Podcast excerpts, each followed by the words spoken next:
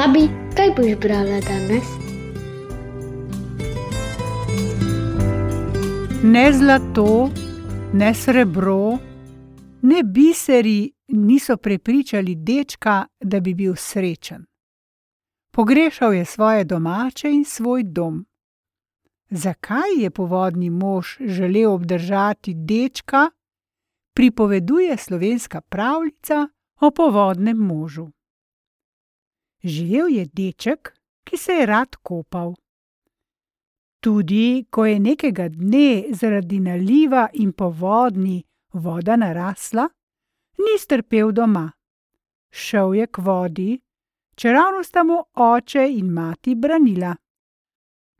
Ko je prišel do vode, se je slekel in skočil vanjo.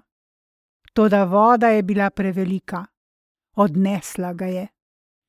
Deček je grabil z rokami, mahal in krilil na vse strani. Kričal in jokal je na ves glas, da ga je zaslišal sam povodni mož na dnu vode. In dobro, da ga je slišal, ker je že naslednji hip deček zajel vodo v nos in usta ter se izgubil, kakor v snu. Ko je prihitel povodni mož, ga je našel že spečega. Le še valovi so ga nesli dalje. Povodni mož ni trpel, da bi prišel kdo živ v njegovo vodno kraljestvo, zato je vsakogar utopil, ki je padel v vodo. Ta drobni deček pa mu je bil neznansko všeč. Žal bi mu bilo, če bi utonil, zato je sklenil, da ga reši. Saj se je tudi počutil osamljenega v svojem prostranem kraljestvu. Zato se je razveselil tega lepega dečka, ki mu bo delal druščino.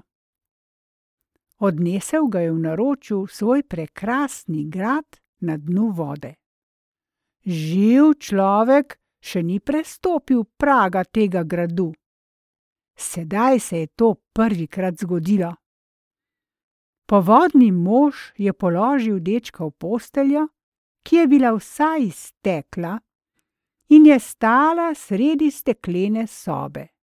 Nato je tiho odšel in čakal skrit, da se bo deček zbudil. Deček se je prebudil, pogledal je okrog in spoznal, da leži v stekleni postelji sredi steklene sobe. Ob postelji je stala mizica, na mizici igračka pri igrački, vse iz kristalnega stekla. Dečka sta prevzela lepota in blesk, segel je po steklenih igračkah in se igral. Naslednji hip pa se je domislil doma in zajokal. Prihitel je povodni mož in ga vprašal: Po kom jočeš, drobni moj deček? Po domu, je odgovoril deček in jokal neutolažno. Povodni mož ga je vprašal: Ali je dom lepši od tega le bogastva, ki je pred teboj? Lepši, je odgovoril deček in jokal še huje. Povodni mož je videl, da je vsaka beseda odveč, zato je odšel. Ko se je deček izjokal, je zaspal.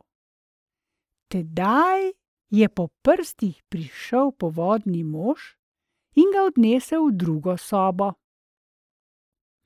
Ko se je deček prebudil, je pogledal okrog sebe in spoznal, da leži v postelji, ki je vsa iz srebra in stoji sredi sobe s srebrnimi stenami, srebrnim stropom in srebrnim podom.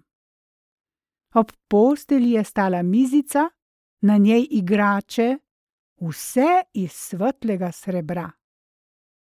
Zavzet je gledal deček to bogastvo, nato je segel z roko po igračah in se igral. Že naslednji hip pa mu je postala igra dolgočasna. Spomnil se je bratca in sestrice, s katerima se je igral doma, ter hudo zajokal. Prihitev je povodni mož in ga vprašal: Po kom jočeš, drobni moj deček? Po bratcu in sestrici, je odgovoril deček in jokal še huje. Ker se ni dal utolažiti, je povodni mož odšel.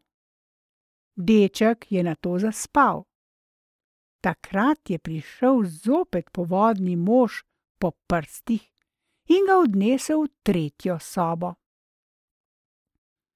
Ko se je deček prebudil, je videl, da ga je povodni mož prenesel v posteljico iz suhega zlata, ki je stala sredi sobe, zidane tudi iz samega zlata. Vse, kar je bilo v njej, je bilo iz najčistejšega zlata: mizica, stoli in igračke. Deček je že mnogokrat slišal o čarobnih zakladih, nikoli pa si ni mogel predstavljati tolikega bleska, ki ga je sedaj slepil v oči. Očaran je segel po zlatih igračkah in se igral. A ne dolgo. Spomnil se je očeta in matere ter zopet glasno zajokal. Prihitev je povodni mož in ga vprašal: Po kom jočeš, drobni moj deček? Po očetu in materi, mu je odgovoril deček in jokal glasno, preglasno. Ali sta oče in mati dražja kot čisto zlato? se je čudil povodni mož, ki ni poznal niti očeta, niti matere, pa tudi ne bratov in sester. Dražja, je rekel deček.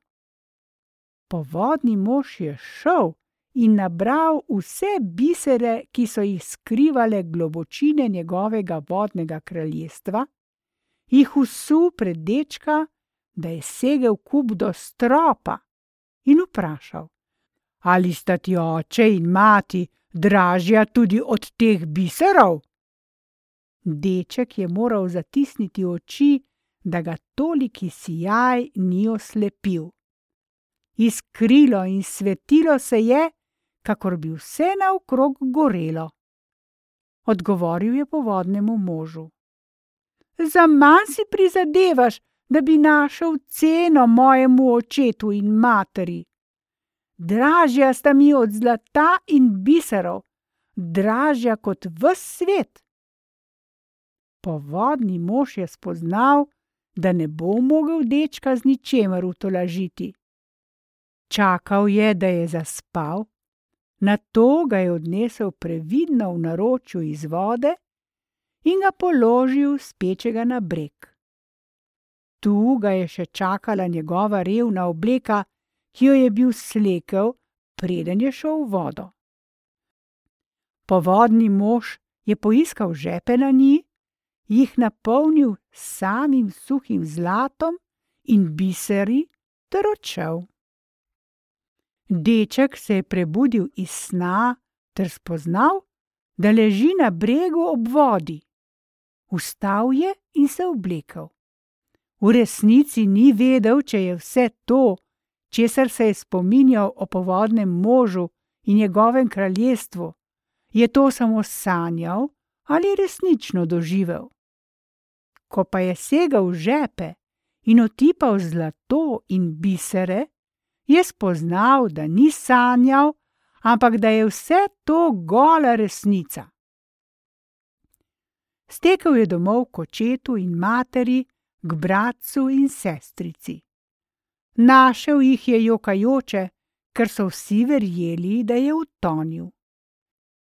Veselja ni bilo zato ne konca, ne kraja ker jim odslej ni manjkalo zlata in biserov, je tudi revščina pobegnila od njih in mednje se je naselila sreča. Postavili so si lepo novo hišo in srečno živeli v njej.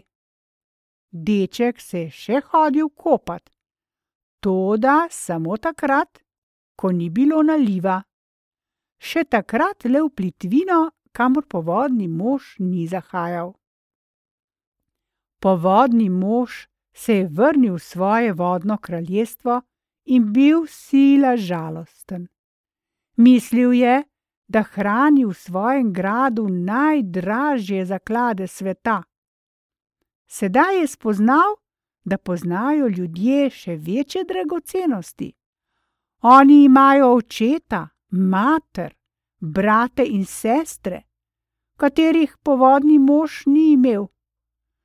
To ga je tako razžalostilo, da je jokal tri dni neprestano, da so se stresali bregovi in so vode glasno šumele kot ob povodni. Nato se je napotil, da preišče vse skrite kotičke svojega kraljestva, če se morda ne skrivajo v njih dragocenosti, katerih dotedaj ni našel.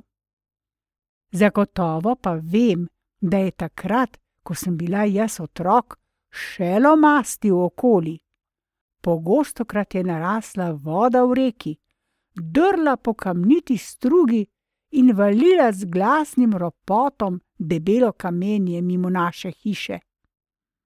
Spodaj je bobnelo kamenje, mi pa smo stali za oknom in se v strahu spogledovali. Povodni mož hodi s košem po reki, smo rekli.